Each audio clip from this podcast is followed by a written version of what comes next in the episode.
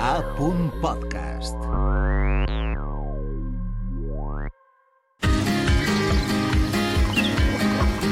Ben i parlem, un podcast per aprendre valencià amb Aina Monferrer. Ja tornem a estar en Beniparlem, el poble virtual en què aprendrem llengües situat a la comarca dels apunts de llengua. Avui parlarem de la llengua estàndard i de la variació dialectal amb Julieta Torrents, una investigadora sobre didàctica de la llengua i de la literatura, i amb Marc Rovira, un mestre de música. Benvinguts, Julieta, Marc. Hola, bon dia. Hola, bon dia. Julieta és de la comarca del Vallès i ha fet una tesi a la Universitat de Barcelona dirigida per la professora Glòria Bordons sobre l'aplicació didàctica de poemes musicats i treball amb la dialectologia. Jo me l'he llegida i és una meravella de tesi. Enhorabona, Julieta. Gràcies. Actualment, Julieta treballa al Departament de Didàctica de la Llengua i de la Literatura de la Universitat de València amb un contracte postdoctoral Margarita Salas. I l'hem convidada perquè en realitat som companyes de departament i les dos formen part d'un grup d'investigació que es diu Geografies Literàries, dirigit per Alexandre Bataller, i investiguem juntes en didàctica de llengües treballant la poesia i la cançó. Uh -huh. I per això també ens interessa molt que hagi vingut Marc perquè és mestre de música de Lliçà d'Amunt, que és un poble situat a la comarca del Vallès Oriental i és per això que veureu que parlen un model estàndard diferent del valencià que també heu de saber entendre quan estudieu valencià. Aleshores, moltíssimes gràcies per vindre i em fa molta alegria que estigueu així. Gràcies per acceptar la invitació. I, Marc, t'hauries imaginat alguna vegada que entraries als estudis de la ràdio pública valenciana? Doncs la veritat és que no. Fins fa una setmana tampoc sabia que estaria aquí, així que meravellós, això. Les coses espontànies són les millors. I tant, segur que sí. I, Julieta, pots explicar breument als oients de Beniparlem en què consisteix aquesta investigació que has fet de música i dialectologia i si hi havia algun autor valencià? Sí, la tesi el que vaig fer va ser investigar una mica quines eren les respostes lectores dels estudiants si llegien un poema o si sentien el poema musicat. I llavors, en aquest sentit, hi havia la part d'educació literària que feia relació al poema, però també, com que els poemes musicats tenien aquesta dimensió oral, uh -huh. en la selecció del corpus hi havia poemes representatius de tot el domini lingüístic català i, per tant, evidentment, també n'hi havia en valencià. Evidentment no hi podia faltar Amaclame a tu, també hi havia la cançó de Bressol per despertar consciències de Marc Granell, música de Pana Mansalva, també hi havia Amagar l'arbre de l'Anna Montero, música per Miquel Gil, vull dir que hi havia força varietat. Que interessant. Amaga l'arbre un riu sota l'escorça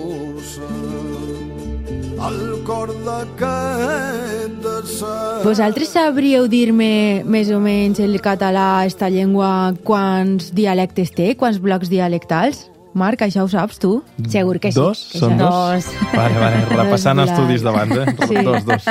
I com es diuen?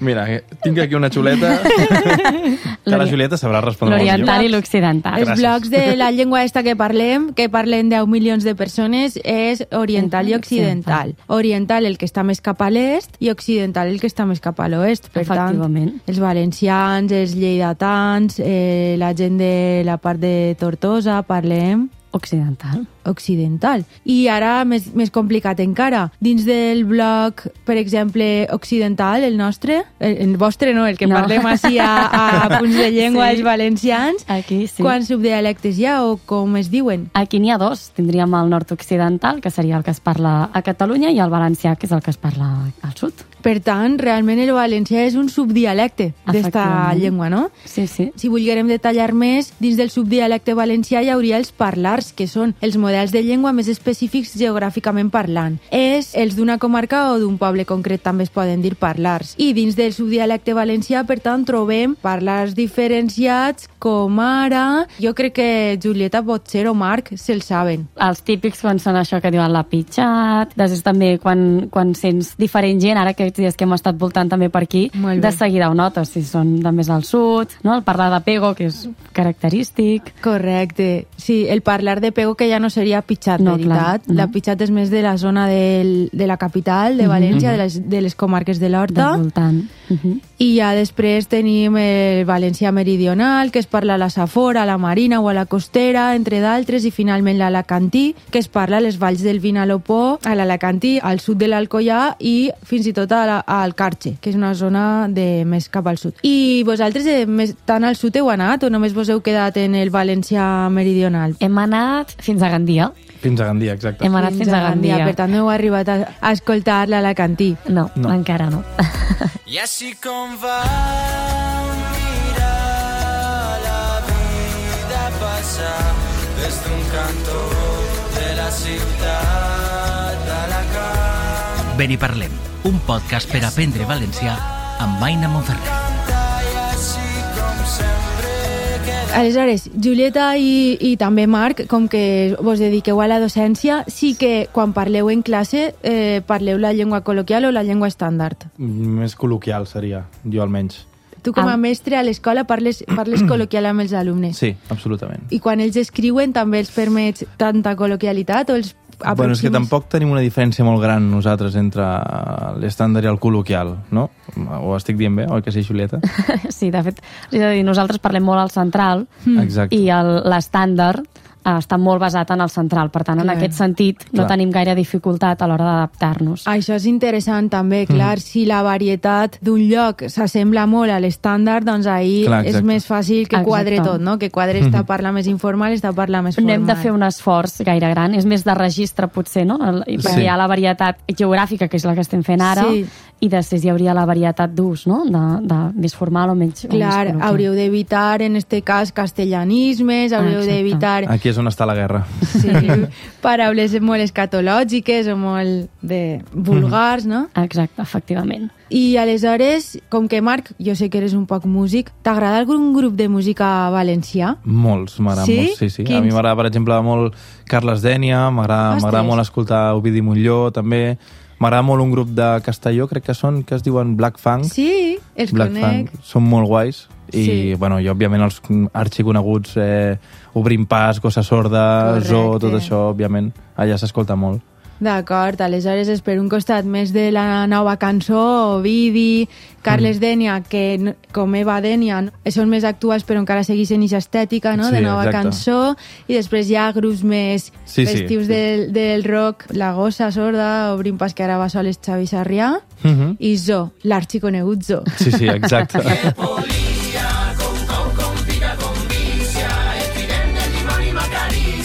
Marc, se t'ocorre algun exercici amb cançons per aprendre llengües? bueno, jo almenys quan treballo, quan intento treballar llengua a través de la cançó, el que faig sempre és treballar sobre cançó tradicional catalana, Molt bé. Perquè allà és on es troben moltes paraules que no es fan servir col·loquialment i llavors pues, costa de que, de que les aprenguin fora d'una cançó. Recuperes vocabulari a partir de Sí, les lletres exacte. tradicionals. Sí, per exemple, la gata i el balitre ja puc treballar pues, la manera de dir-li gos, que és ca, gos o balitre. De la gata i el balitre jo us diré el que ha passat. S'ha perdut alguna cosa i no sé qui l'haurà trobat. Bueno, a través Balitre, no havia... Jo, mira, l'acabo d'aprendre aquesta paraula. Sí. Esta doncs la paraula. és molt bonica. Molt bé. I Julieta, aleshores, des de la teua perspectiva d'experta, quins són els beneficis de la cançó a l'hora d'aprendre llengües? Un aspecte és el que dèiem ara, que seria el d'ampliació de vocabulari, ja que habitualment les lletres de cançons tenen aquest component més poètic o més treballat, no Sí. totes, però sí que hi ha aquesta ampliació de vocabulari. Correcte. També per treballar qüestions fonètiques, també podem treballar qüestions de fluidesa, Sí. perquè també va bé, no? no ens encallem tant, la música ens ajuda a mantenir l'entonació i per tant a fer una parla molt més fluida, i també qüestions d'estructura, perquè com que justament per aquest component artístic de les lletres, de vegades hi ha canvis d'estructures, hi ha estructures gramaticals que potser no són tan freqüents en, més en la literàries, parla. Ah, exacte. pot ser. Molt interessant, em sembla molt interessant.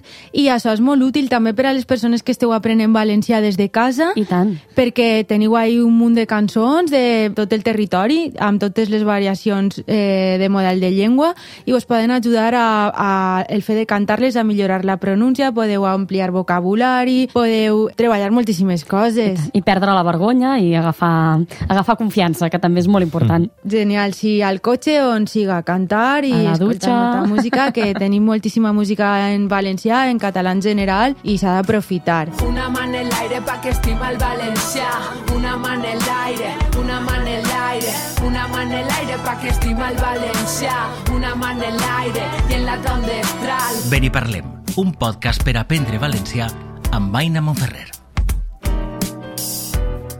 Ara parlarem d'algunes qüestions relacionades amb la, amb la variació dialectal i amb les proves de valencià ja que existeixen alguns mites que convindria tombar. Així al territori valencià la gent té molt d'interès per obtindre títols de valencià de nivell C1, de nivell C2, perquè això dona punts a l'hora de trobar certs treballs en el sector públic, en la sanitat, en l'educació. I aleshores, si us presenteu a una prova oficial de valencià, heu de saber que si sou catalans, mallorquins o pel que siga teniu un estàndard de la llengua que no és l'estàndard valencià que s'utilitza així en apunt, sinó que és un estàndard d'un altre territori, doncs no hi ha cap problema. És totalment correcte que vos expresseu en el vostre estàndard de català central, de balear, de nord-occidental en les proves de valencià de qualsevol nivell, tant en la junta qualificadora com en les proves de les universitats anomenades SIACOVA, com en les de les escoles oficials d'idiomes, perquè aquesta és una pregunta que a mi m'han fet molts estudiants, ho pregunten, diuen, és que jo parle valencià però és que jo parle català.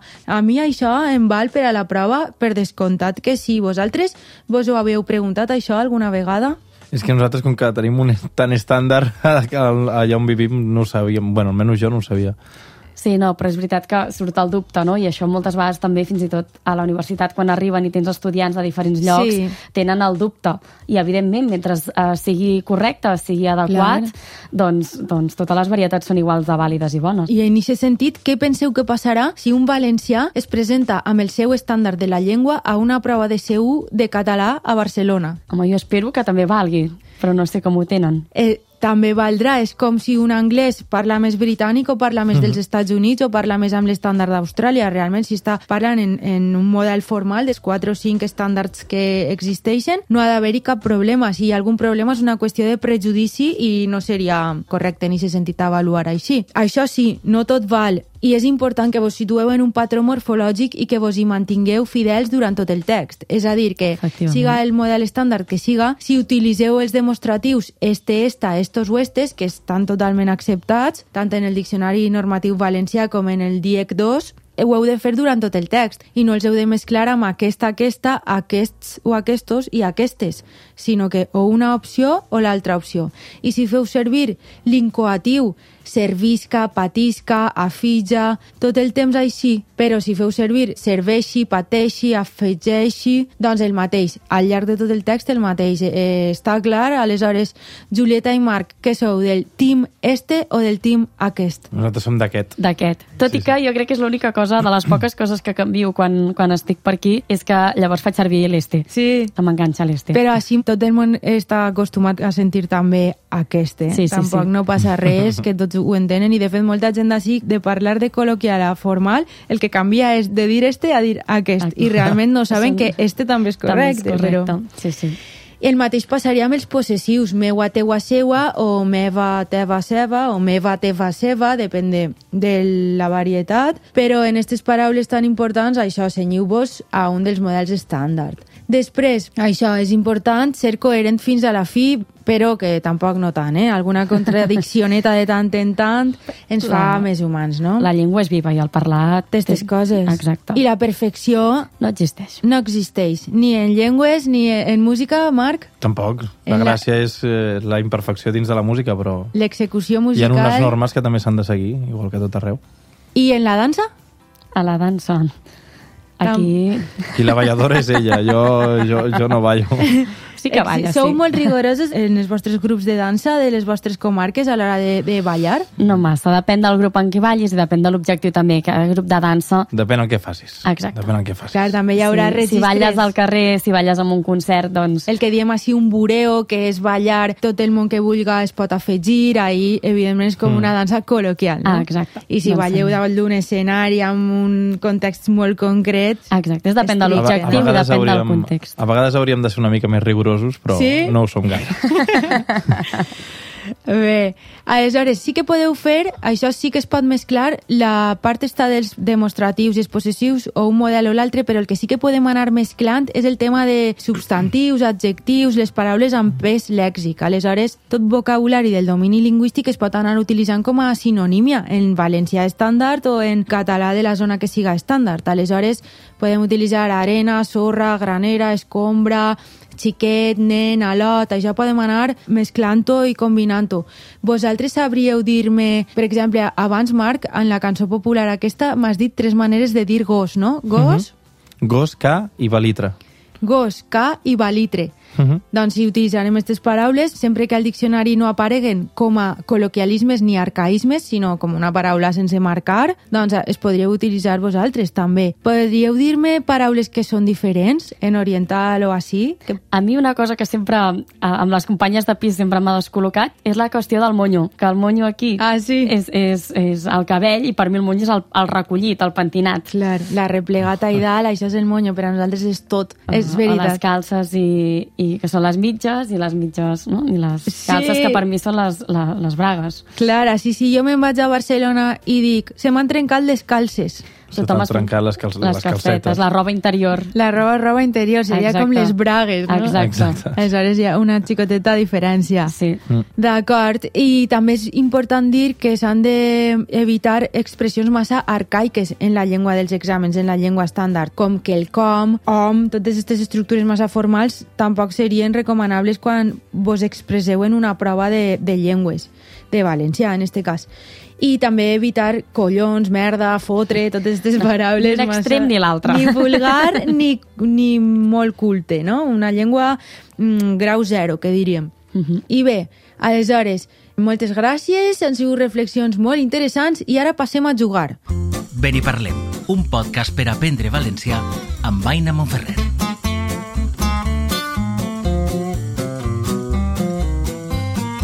Aleshores, Julieta, Marc, vos hem preparat un joc curtet. Haureu d'intentar identificar de qui són els següents tres poemes i juntes en comentarem la variació dialectal. Entesos? Però que no vos espanteu, eh? que no és un test d'avaluació, és només un joc. és Va, per, a per jugar. mostrar. Si és un joc, juguem. D'acord, el joc es diu Poemes i dialectes. Primer escoltarem un fragment d'un poema i després vos preguntaré per l'autor, d'acord? No podràs escriure els poemes i callaràs tota la nit mentre dormen les teues gens. I tu sols estaràs despert. I tu estaràs despert per tots. No t'han parit per a dormir. Et pariren per a vedlar en la llarga nit del teu poble. Tu seràs la paraula viva, la paraula viva i amarga. Ja no existiran les paraules, sinó l'home assumint la pena del seu poble i és un silenci.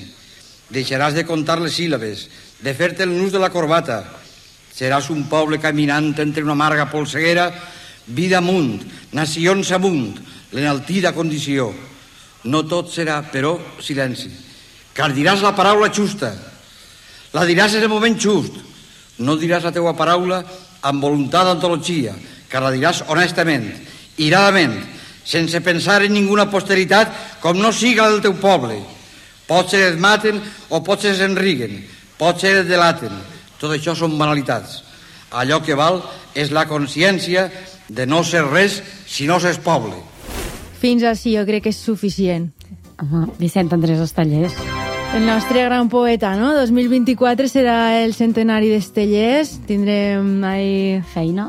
feina, faena, feina. Aleshores, Vicent Andrés Estellers, i d'on penseu que és Vicent Andrés Estellers? A veure, jo, amb el poc coneixement que tinc, ha dit teues, per tant ha de ser d'aquí baix, no? Sí. Llavors aquí, vosaltres que sou les expertes, il·lumineu-me, sisplau.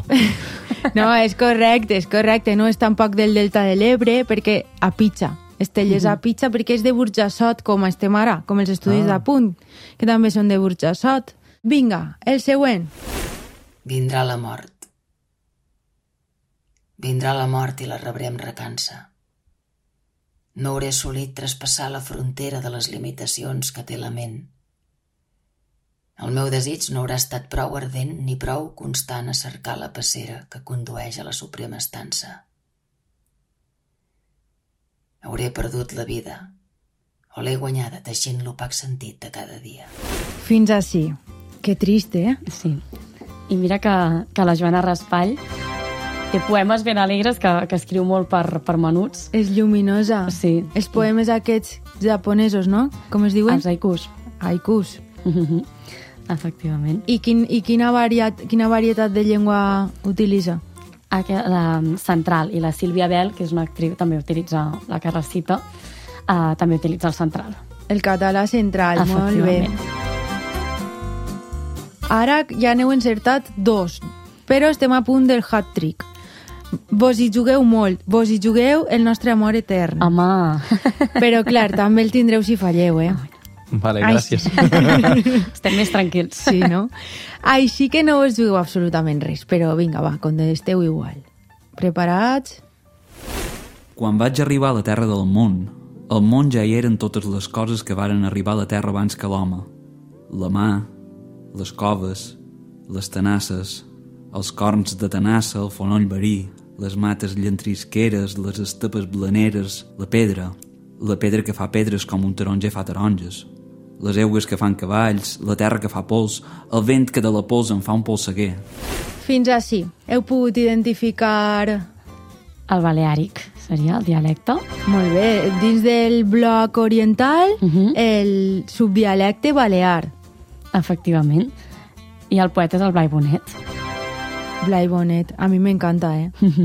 L'havies utilitzat en la teua tesi? Blai Bonet, ara no me'n recordo perfectament perquè tenia un corpus molt gran, però fi- evidentment sé qui és i, i n'he llegit coses. Tu el coneixies, Marc?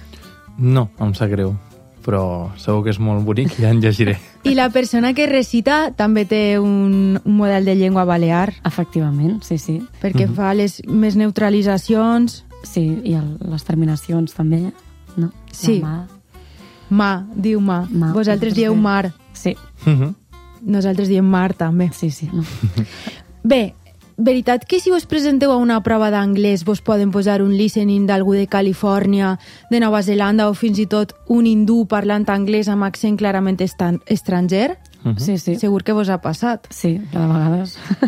Doncs quan ens presentem a proves de valencià, sobretot a partir de nivells intermedis, de nivells B2, C1, pot passar el mateix. Així que entreneu l'oïda a maneres diferents de parlar de cara a les comprensions orals. Per exemple, podeu fer-ho escoltant podcasts o, o coses d'altres mitjans de comunicació de fora del territori valencià. De fet, cada vegada hi ha més recursos en línia i cada vegada és, fa, és més accessible tota la producció audiovisual en, en, en, no? en, tot, en el català central o en, el, o en el balear també. Vosaltres ens recomanaríeu als valencians algun programa de TV3 o algun podcast que vos agrade molt? Home, que no cal que, que sí. siga de TV3. Clar que sí, la competència de rac La competència de RAC1 La competència és un programazo, és, És un programa molt molt, molt, guapo. Jo, no conec. jo de RAC1 escoltava Marc Giró, També. el programa de Marc Giró, però ara ja no sé si està ahí o si no anat a la Ara està televisió espanyola. Mhm. Bé, doncs el- l'escoltarem, Sí, és, l'escoltarem. és recomanable. És El recomanable. búnquer també agrada molt. El búnquer, sí. Sí, a mi m'agrada la sotana. També. La però sotana tampoc també, és molt clar. formal, però...